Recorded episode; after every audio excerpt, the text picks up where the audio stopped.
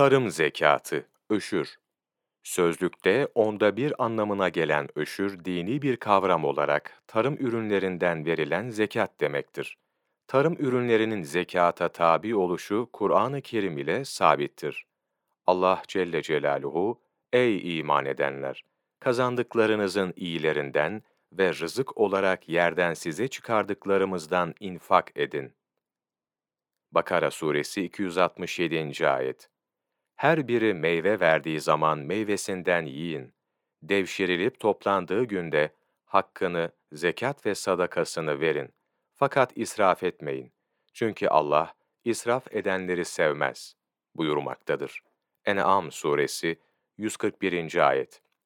Bu ürünlerin zekatlarının oranı bizzat Resulullah sallallahu aleyhi ve sellem tarafından belirlenmiştir. Bir hadisi şerifte yağmur ve nehir sularıyla sulanan toprak mahsullerinde onda bir, kova ile sulananlardaysa yirmide bir öşür gerekir buyurulmuştur. Hadis-i şerifte de belirtildiği gibi, eğer bir arazi yağmur, ırmak, dere suyu ile sulanıyorsa, burada üretilen mahsulden onda bir zekat verilir. Fakat taşınarak ve motor gücü gibi belli bir emek ve masraf yapılarak sulanıyorsa, bundan da yirmide bir nispetinde zekat verilir. Hanefi mezhebinde tercih edilen görüşe göre, ot ve odunun dışında kalan bütün tarım ürünleri zekata tabidir. Öşür için belli bir miktar yoktur. Mahsul az olsun, çok olsun, içinden zekatının çıkarılması gerekir. Mahsul için yapılan tohum, gübre, ilaç, işçi ve su yolu açmak gibi hiçbir masraf düşürmez, bunlar dikkate alınmaz.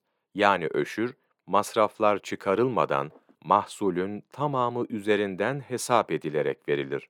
Genel ilki olarak insan emeğiyle ve gelir sağlamak amacıyla yetiştirilen toprak ürünleri zekata tabidir. Bu niteliklerde olmayıp, tabiatta kendiliğinden yetişen ağaç, kamış, ot ve benzeri şeyler için öşür gerekmez. İnsanlar tarafından kazanç elde etmek üzere yetiştirilen kavak ve kamış gibi ürünlerdense zekat gerekir. Ömer Nasuhi Bilmen İstilahat-ı Fıkhiye Kamusu Cilt 4, sayfa 125 26 Aralık Mevlana takvimi